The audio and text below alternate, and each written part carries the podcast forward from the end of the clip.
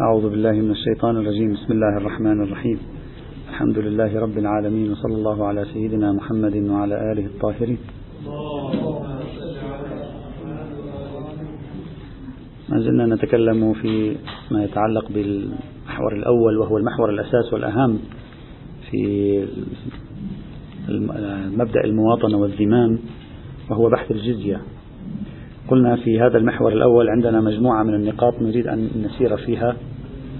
النقطة الأولى كانت في أن الجزية هل فرضت على أهل الكتاب خاصة أو على جميع الكفار أو على بعض أهل الكتاب؟ تحدثنا عن هذا الموضوع.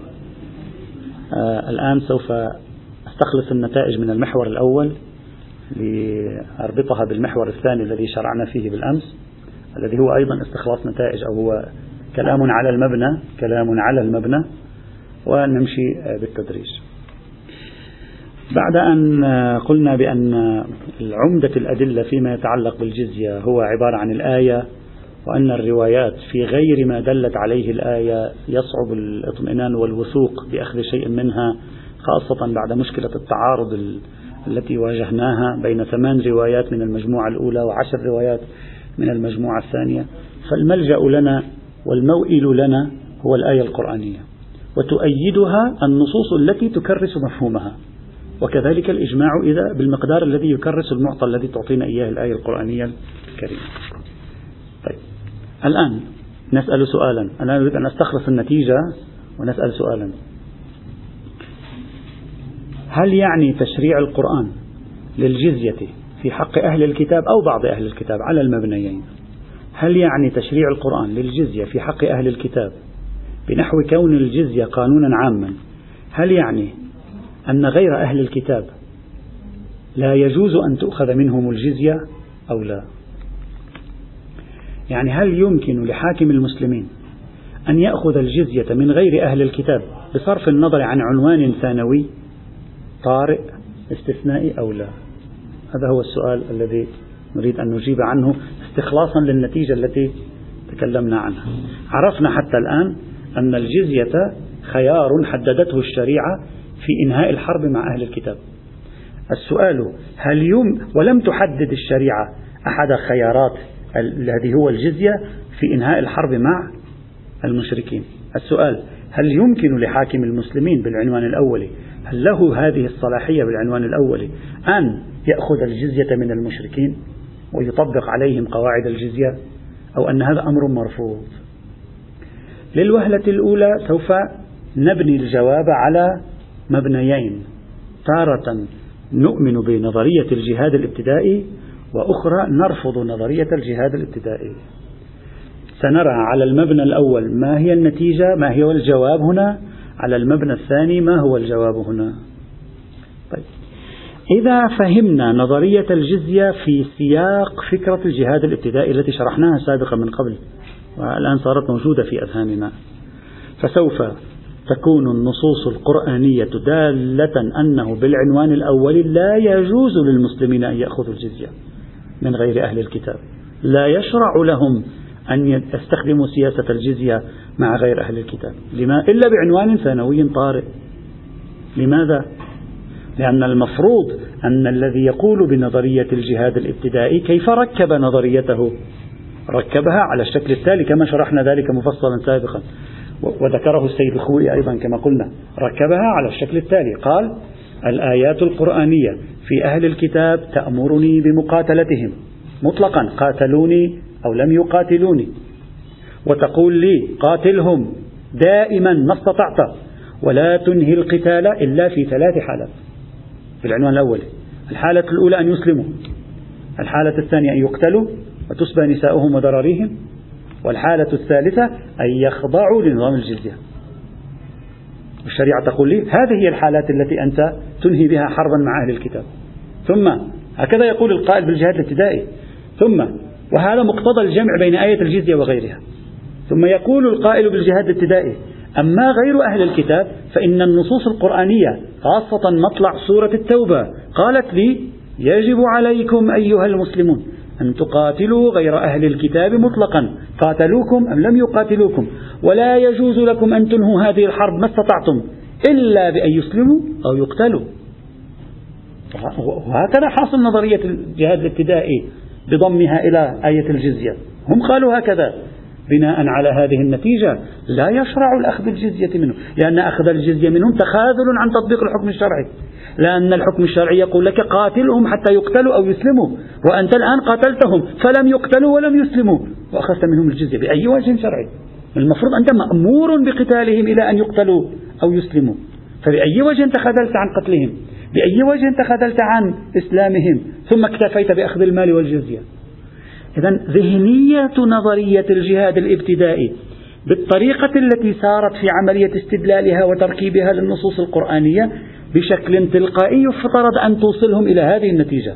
الجزية تؤخذ من أهل الكتاب كخيار في إنهاء الحرب.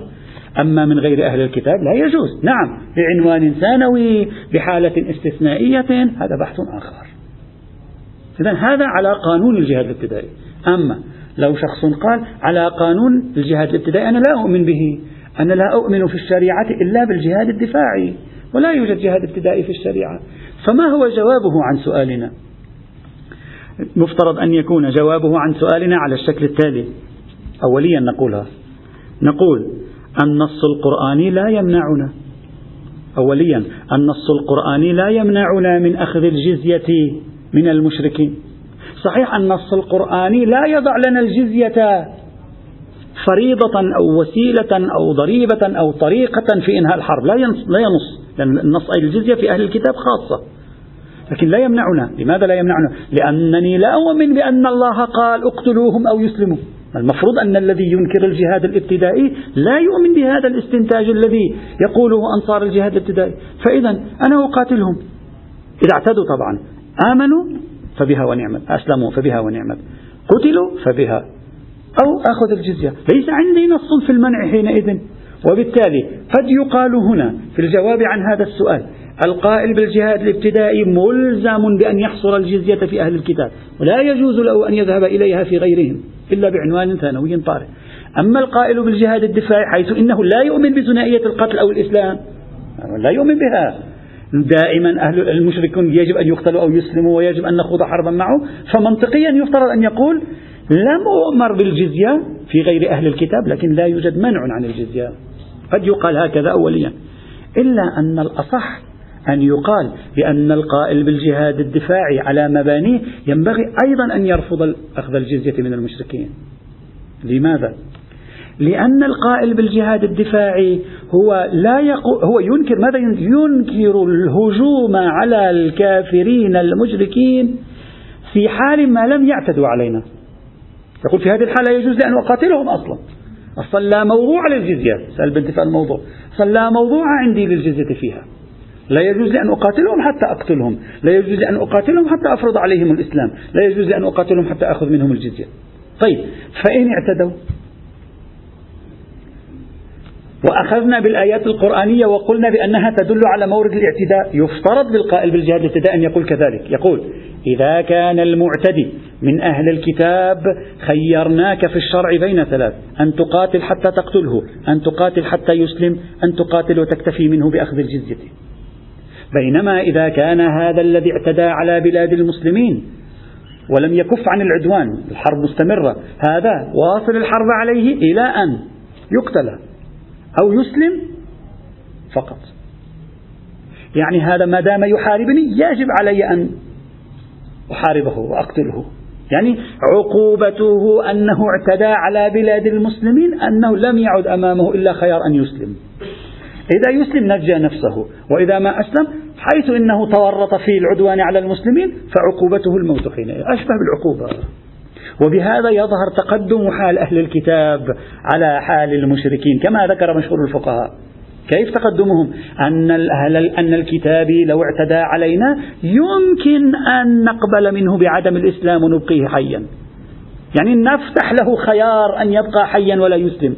أما المشرك إذا اعتدى علينا وحارب المسلمين وظيفتنا تجاهه حينئذ أن نحاربه إلى أن يسلم أو أن يقتل وهذا يكون عقوبة عليه. ما دام متلبسا بحرابتنا ما دام متلبسا بحرابة يعني إذا هجمنا على ديارهم هزمناهم بإمكاننا أن مثلا يسلموا بإمكاننا أن نصفي كل رجالهم ونسبي نساءهم وبإمكاننا وليس بإمكاننا أن نقول لهم ويقول لهم حاكم المسلمين ترى أنتم أيها المشركون اعتديتم علينا نحن لن نفرض عليكم الإسلام لن نقتلكم فقط نأخذ منكم الجزية هذا الخيار ممنوع. ما دام صاروا تحت يدك وهزموا يجب عليك أن تعمل فيهم السيف قتلا أو أن يذهبوا إلى الإسلام. فإذا القائل بالجهاد الابتدائي والقائل بالجهاد الدفاعي معا سيشتركان في هذه النتيجة. اختلافهم ليس في هذه النتيجة. اختلافهم في متى يجوز لي أن أقاتلهم. هل إذا اعتدوا أو إذا لم يعتدوا؟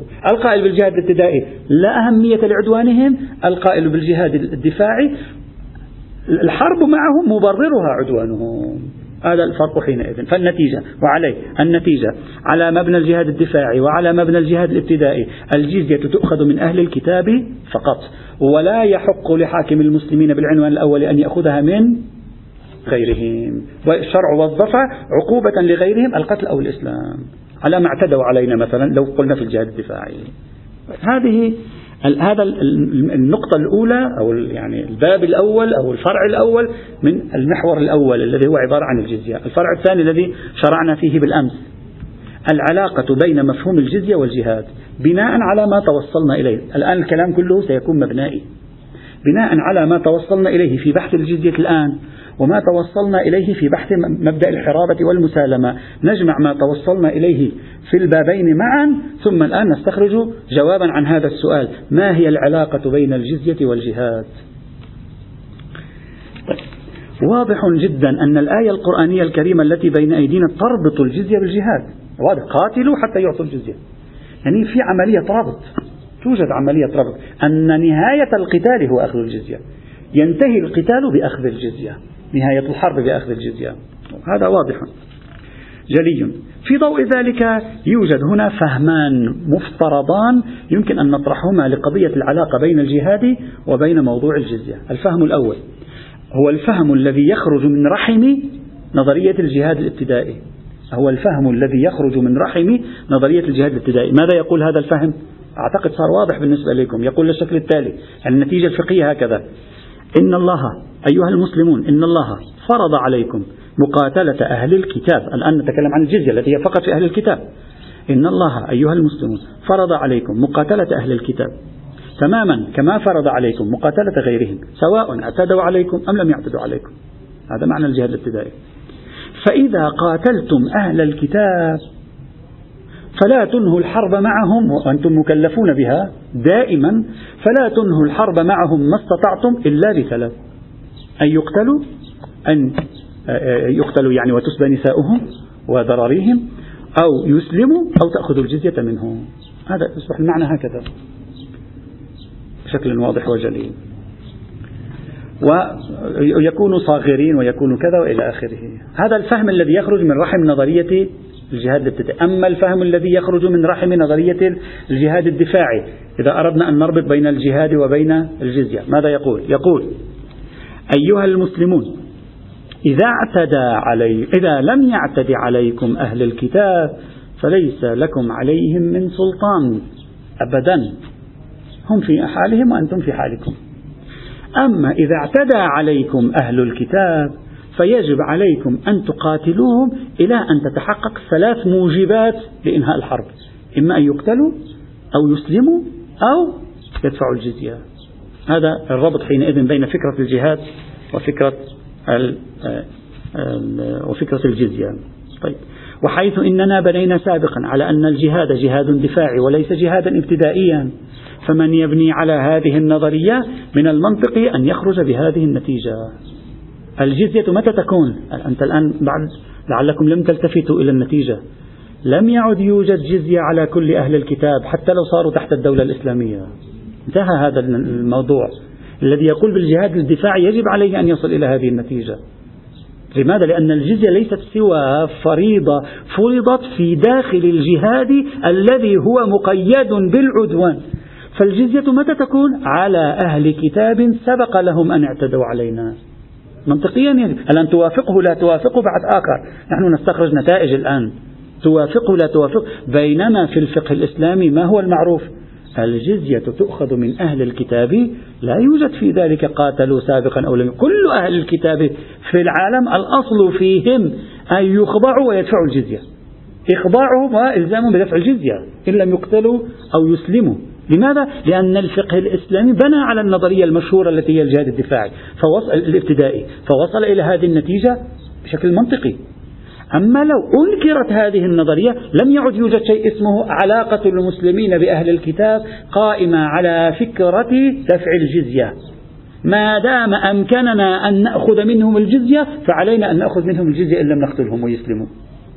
هذه الفكرة حينئذ تغيرت وصار فكرة الجزية أخف يعني تؤخذ الجزية من المعتدين من أهل الكتاب. لا تؤخذ الجزية من أهل الكتاب. هذا مفترض منطقيا أن تكون النتيجة هكذا.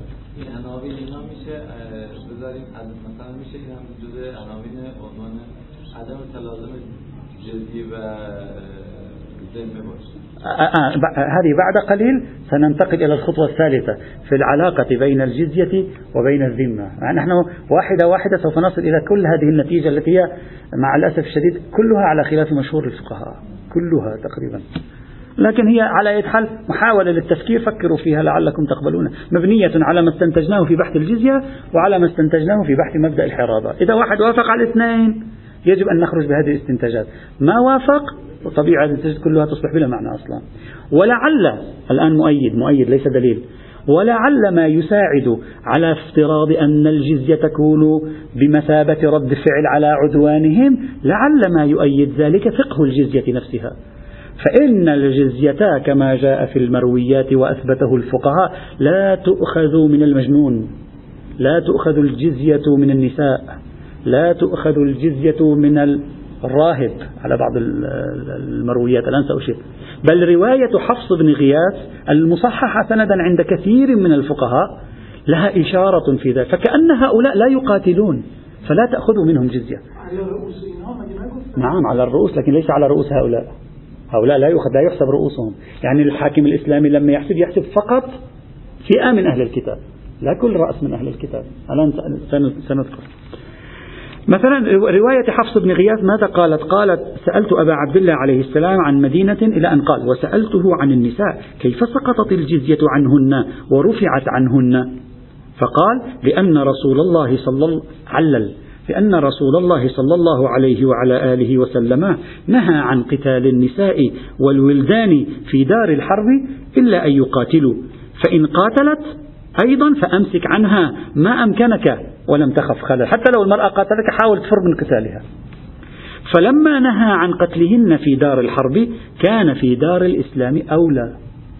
ولو امتنعت أن تؤدي الجزية لم يمكن قتلها. فلما لم يمكن قتلها رفعت الجزية عنها.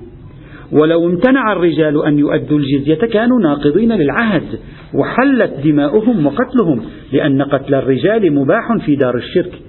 وكذلك المقعد الذي لا يستطيع القتال مقعد من أهل الذمة والأعمى لا يستطيع القتال والشيخ الفاني والمرأة والولدان في أرض الحرب فمن أجل ذلك رفعت عنهم الجزية. طبعا الرواية لا تدلها تدل لو كنت تفكر بذهنية الجهاد الدفاعي فقط. انتبه لي جيدا يعني ليست هذه إشكالا على المشهورة أبدا. بناء على أنك تبني على ذهنية الجهاد الدفاعي تشعر أنت الآن أن هذه الرواية ستساعدك. نفس أن فقه الجزية أسقط عن هؤلاء وأثبت على الرجال المقاتلين.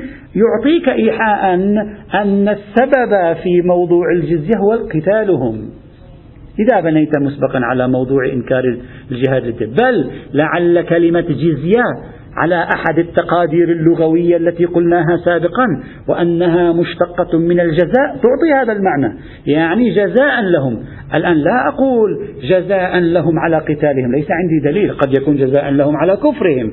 لكن تعطيك إيحاء أن هناك مفهوم عقاب. وهذا يعزز هذه الفكرة التي نحن بصددها مجرد تأييدها هذه ليست أدلة كما قلت. لكن من يحمل ذهنية الجهاد الدفاعي يستطيع هنا أن يقول ولعل هذا هو فلسفة سقوط الجزية عمن لا يقاتل فإنه لم يعتدي علينا. ولعل هذا فلسفة تعبير عنها بأنها جزية إذ كأنها جزاء قتالهم لنا مثلا.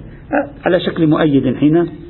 إذن والنتيجة بناء عليه أن الجزية تؤخذ في الجهاد الدفاعي من أهل الكتاب وأما أخذها من غيرهم كما قلنا ليس له وجود وهذا معناه أن الجزية لا تؤخذ على كل أهل الكتاب ولا تلازم بين مفهوم أهل الكتاب ومفهوم الجزية. لأن التلازم بين مفهوم الجزية ومفهوم الجهاد ربطناه بالجهاد الدفاعي وإذا ربطناه بالجهاد الدفاعي لم يعد مرتبطا بارتباط إطلاقي بفكرة أهل الكتاب. فتتغير كل الخارطة التي هي موجودة بين أيدينا. قد تشكل وتقول. تفضل. تفضل لعله ليس الإشكال نفسه. لا بأس نقضوا الذمة نقضوا بالنهاية اعتداء تآمر. الروايات تدل أن أهل الذمة بأي معنى فهمتهم؟ لو كانوا داخل بلاد المسلمين وتآمروا نقضوا العهد. نعم نعم. إذا قاموا. أنت نتكلم الآن في فقه الجماعات لا في فقه فرد. مش فرد واحد سوى جاسوس لدولة معادية للمسلمين تحكم على كل الأمة لا. نتكلم في فقه الجماعات يعني المفترض أن يكون هذه الجماعة نعم تآمرت تتصل بالعدو هذه الجماعة كجماعة لها صلة ممكن حينئذ. قد تقول هنا بإشكال يبدو أساسيا وهو أن تكييف العلاقة بين آية الجزية وبين النصوص القرآنية التي تدل على أن الطرف الآخر لو توقف عن الاعتداء يترك قد يبدو صعبا. أنت أنت منكر للجهاد الابتدائي الآن. إذا أنت أنت منكر. ماذا تقول؟ تقول إذا الطرف الآخر لا يعتد لم يعد يعتدي علي هكذا تقول. تقول الطرف الآخر إذا لم يعد يعتدي علي فالمفترض ليس لنا عليهم سلطان. فإن اعتزلوكم فلم يقاتلوكم وألقوا إليكم السلم فما جعل الله عليكم فما جعل الله لكم عليهم آه، كذا سلطان. طيب. إذا كان الأمر كذلك ما هؤلاء لما هزمناهم لم يعد يعتدوا علينا. خلاص سقطوا أخضعوا. فأي معنى لأن يكون لي عليهم سلطان الجزية؟ قد تقول ذلك. تقول هذا ينافي في مثل هذه الحال. إذا كان الذي لم يعد يعتدي علي ليس لي حق أن أقاتله. طيب إذا كان أهل الكتاب نأخذ منهم الجزية وغير أهل الكتاب لا نأخذ منهم الجزية يصبح حال غير أهل الكتاب أسوأ من حال أهل الكتاب. لأن حال غير أهل الكتاب عفوا يصبح حال أهل الكتاب أسوأ من حال غير أهل الكتاب. لماذا؟ لأن الذي ليس هو من أهل الكتاب إذا لم يعد يقاتلني ليس لي أن أفرض عليه الجزية. خلاص. السلم بيني وبينه. بينما أهل الكتاب إذا لم يعودوا يقاتلوني يفرض أنني سألزمهم بالجزية حينئذ. فسيصبح حال أهل الكتاب أسوأ من حال غير أهل الكتاب. فكيف تجيبون الجواب؟ إن الآيات التي دلت على رفع السلطنة عن غير المسلمين إذا رفعوا يدهم عن محاربتنا تقيد جميع أدلة الجهاد. بما فيها آية الجزية. بمعنى بمعنى الآن تصور معي المشهد بشكل دقيق. بمعنى هذا الطرف الآخر إن رفع يده عن مقاتلتي خلاص السلم قال يا أخي أنا أريد الصلح. واطمأننا من طرفه. أنه فعلا يريد الصلح ولا يريد أن يخطط ولا يتآمر. لزمنا أن ندخل في السلم معه. لا بأس. وهذا صلاح المسلمين. لا بأس هذا ما في إشكال. أما أنه ما زال متلبسا بمحاربتي حاربته قاتلته هزمته سيطرت عليه. هذا خارج عن فإن اعتزلوكم فلم يقاتلوكم. هذا صحيح لم يعد يقاتلني. لكن لم يعد يقاتلني لا من باب أنه ألقى إلي السلام كما دلت النصوص هناك من باب أنه أسقط ما في يده. هذا تجري فيه الجدية. فإذا أهل الكتاب إن كانوا قبل أن نخضعهم أو أن نهزمهم أعلنوا المسالمة واطمأننا من جانبهم وقالوا فتحنا أيدينا لحل هذا النزاع بالصلح والتوافق. لزمنا أن ندخل في المفاوضات لنرى ما النتيجة. وبالتالي ليس لنا أن نأخذ منهم الجزية وليس لنا أن نأخذ منهم شيئا.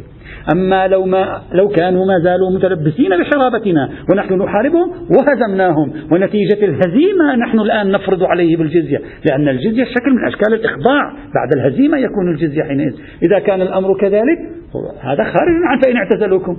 فهؤلاء نأخذ منهم الجزية. فإذا لا فرق حينئذ.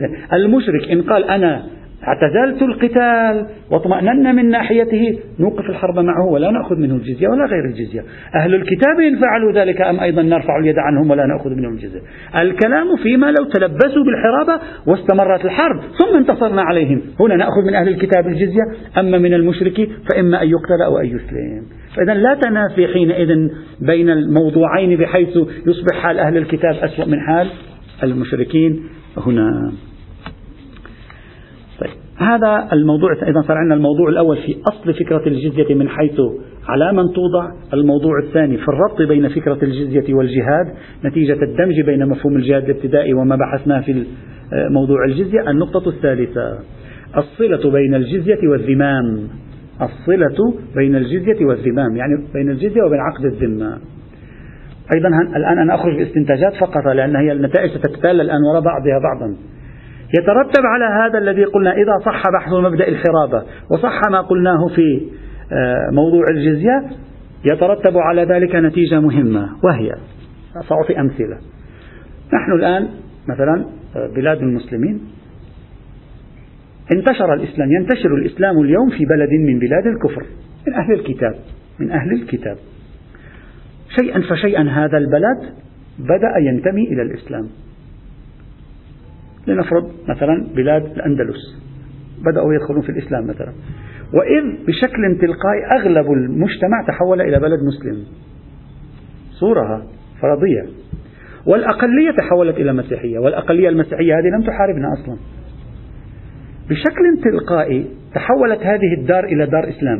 لم تعد دار حرب. لأن الأغلبية الساحقة منها هي عبارة عن المسلمين الملتزمين بالشريعة. فدخلت في دار الإسلام. الأقلية هذه دخلت في دار الإسلام. منطقيا بالنتيجة التي توصلنا إليها هل تفرض عليهم الجزية؟ إذا صحت المقدمات لا تفرض الجزية عليهم لأننا ربطنا الجزية بمفهوم القتال وربطنا مفهوم القتال بمفهوم العدوان. لا يوجد قتال هنا ولا يوجد عدوان أصلا. ومع ذلك صاروا جزءا من المجتمع. فإذا ليس هناك من حرج حينئذ أن يبقوا في المجتمع إذا رأى حاكم المسلمين صلاحا ويكونون بذلك من أهل الذمة بالمعنى العام لكلمة ذمة بعدين رح نوقف شوية كمان عند فكرة كلمة الذمة. ويكونون من أهل الذمة أي لهم في ذمتنا حرمة ولا تفرض عليهم الجزية. لا موضوع للجزية بناء على هذه النتائج. يعني من يبني على هذه النتائج لا ينبغي له أن يقول توجد جزية هنا. انتهى الموضوع إطلاقا. مثلا الإسلام كما في الدول شرق آسيا أغلب دول شرق آسيا كما هو معروف أسلمت لا بفعل حروب ولا بفعل شيء بفعل التجار وفعل الرحلات. التي كانت في قديم الأيام. هذا أفرض أنه تكرر اليوم في مكان ما. نعم. سيتحول الوضع. والمفروض أنه لا معنى للجزية. أصلا تركيبة الآية لا تنسجم. قاتلوهم حتى يعطوا الجزية. بناء على قول الجهاد الدفاعي نتكلم الآن ها. طيب. أو مثلا دعوني أعطي مثالا آخر. هل يوجد دليل وهذا سوف نتعرض له سابقا لاحقا أيضا؟ هل يوجد دليل أن حاكم المسلمين الذي له ولاية الأمر لو رأى مصلحة في أن يقبل بالإقامة الدائمة يعطي جنسية لشخص مسيحي من خارج بلاد المسلمين يقول أنا أقبل أن تجلس أنت أعطيك جنسية جنسية البلد المسلم وتصبح أنت فردا من أفراد هذا البلد. لا يوجد دليل على المنع من ذلك بناء على فكرة الجهاد الدفاعي. لا يوجد دليل على المنع من ذلك. وهذا يصبح مواطنا في البلد الإسلامي. وهذا دخل إلى البلد وأعطي جنسية ولا توجد فكرة حرب ولا عدوان هنا. وبالتالي هذا لا ينبغي أن تفرض عليه الجزية بناء على الرأي الثاني بناء على الرأي الأول. نعم. هذه نتائج ستتتالى الآن بناء على التصوير الذي آه، نخرج به من تركيب فكرة الجزية مع مع فكرة الجهاد الابتدائي أو الجهاد الدفاعي خاصة. إذا هذه نتائج مهمة. وعبر هذه الطريقة يحصل التفكيك بين الجزية والذمام. الذمة تكون موجودة الجزية ليست موجودة. الآن صار بناء على هذه النتائج إذا صحت المقدمات بناء على هذه النتائج وجدت ذمة ولا يوجد جزية. وبالتالي ما يقوله الفقه الإسلامي الآن أنت أفتح أي كتاب في الفقه الإسلامي؟ ماذا يقال؟ من شروط الذمة واحد دفع الجزية. إذا سلمنا بهذه المقدمات الطويلة العريضة التي مشينا بها وكانت صائبة وكان ما فكرنا فيه صحيحا والعلم عند الله هذه الجملة يجب أن تتغير. لا يقال بعد ذلك من شرائط الذمة دفع الجزية. بعض أهل الذمة ينبغي أن يدفعوا الجزية حينئذ وليس كل أهل الذمة. ستكون النتيجة هكذا وسيتغير الموقف في مثل هذه الحال. وهذه نتيجة متضمنة لنتيجتين. النتيجة لها صعيدان. الصعيد الأول تفصل بين عقد الذمة مع أهل الكتاب وبين الجزية. فتحصل الجزية بنوع خاص من أهل الكتاب الذين صاروا في عقد الذمة بعد محاربة لهم مبنية على عدوان. هذا سيكون كذلك. الصعيد الثاني تفصل عقد الذمة عن الجزية وفي الوقت عينه لا تقول بالجهاد الابتدائي. هذه الفكرة التي قلناها.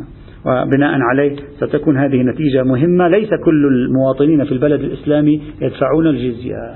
وإن كانوا أهل ذمة إذا صحت هذه المقدمات. طيب هذه النتيجة أيضا سوف تنقلب في الجهة الأخرى بنتيجة أيضا ثانية على المقلب الآخر وهي ليس في الجزية على مستوى النص القرآني أي إشارة لكون الذين يدفعون الجزية داخل البلد الإسلامي. هذا الجهة الأخرى أيضا.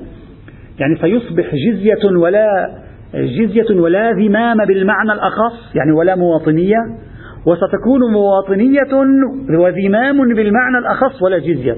الآية لم تقل قاتلوا الذين لا يؤمنون بالله ولا باليوم الآخر كذا حتى يعطوا الجزية بعد أن صاروا في بلدكم. ليس في الآية أي إشارة. بعد أن قلنا الآية هي العمدة في فقه الجزية. ليس بأيدينا شيء غير الآية. يمكن الرجوع إليه. طيب. إذا كانت الآية هي العمدة في فقه الجزية ليس في الآية حتى يعطوا الجزية يعني حتى يصبحوا داخل البلد. وشرحنا ذلك أشرنا إلى ذلك سابقا. ممكن أن يكون هؤلاء في موقف ضعيف بحيث تفرض الجزية عليهم ولو لم تكن أراضيهم داخل أراضيك. الحاكم الإسلامي لا يرى مصلحة في دخول أراضيهم الآن ولكن يرى مصلحة في أن يفرض عليهم جزية عقوبة لهم يدفعون. هذه ألمانيا عشرات السنين تدفع أموال تحت عنوان تحت عنوان تعويضات الحرب. لا تعويضات حرب ولا من يحزن. الجزية هي هذه. خلصت تعويضات الحرب يا مولانا أخذوا الربح أيضا الفوائد ما أخذوها. اليابان عشرات السنين دفعت أيضا تحت عنوان تعويضات الحرب. رغم أنه لا يوجد احتلال بالمعنى الدقيق للكلمة لا يوجد سيطرة لدول الطرف الآخر على لا على ألمانيا ولا على اليابان. وبالتالي من الممكن تصور أن قاتلوهم حتى يدفعوا الجزية سواء دخلتم أراضيهم أو رأيتم مصلحة أن لا تدخلوا أراضيهم الآن. لكن بإمكانكم فرض الجزية ليس فرض الجزية مقيد أن يكونوا داخل أراضيكم. ليس مطلق. فقد تفرض الجزية عليهم وهم داخل أراضينا وقد تفرض الجزية عليهم بعد اعتدائهم وهم خارج أراضينا إن لم يرى حاكم المسلمين ما يخولنا دخول أراضيهم لمصلحة ما. ممكن يحصل هذا. وبالتالي بهذه الطريقة صار بين مفهوم الجزية ومفهوم الذمة بالمعنى الأخص. أي مفهوم المواطنية بالمعنى الأخص صار في عموم وخصوص من وجه. قد يكون ذمي ولا تؤخذ الجزية منه ذمي بالمعنى الأخص ولا تؤخذ الجزية منه. وقد يكون أهل كتاب يكون هناك أهل كتاب تؤخذ الجزية منهم وليس لهم ذمة بالمعنى الأخص للكلمة أي مواطنية. وهذا تغير جذري في مفهوم الذمية بالمعنى الأخص قياسا ومقارنة بمفهوم الجزية.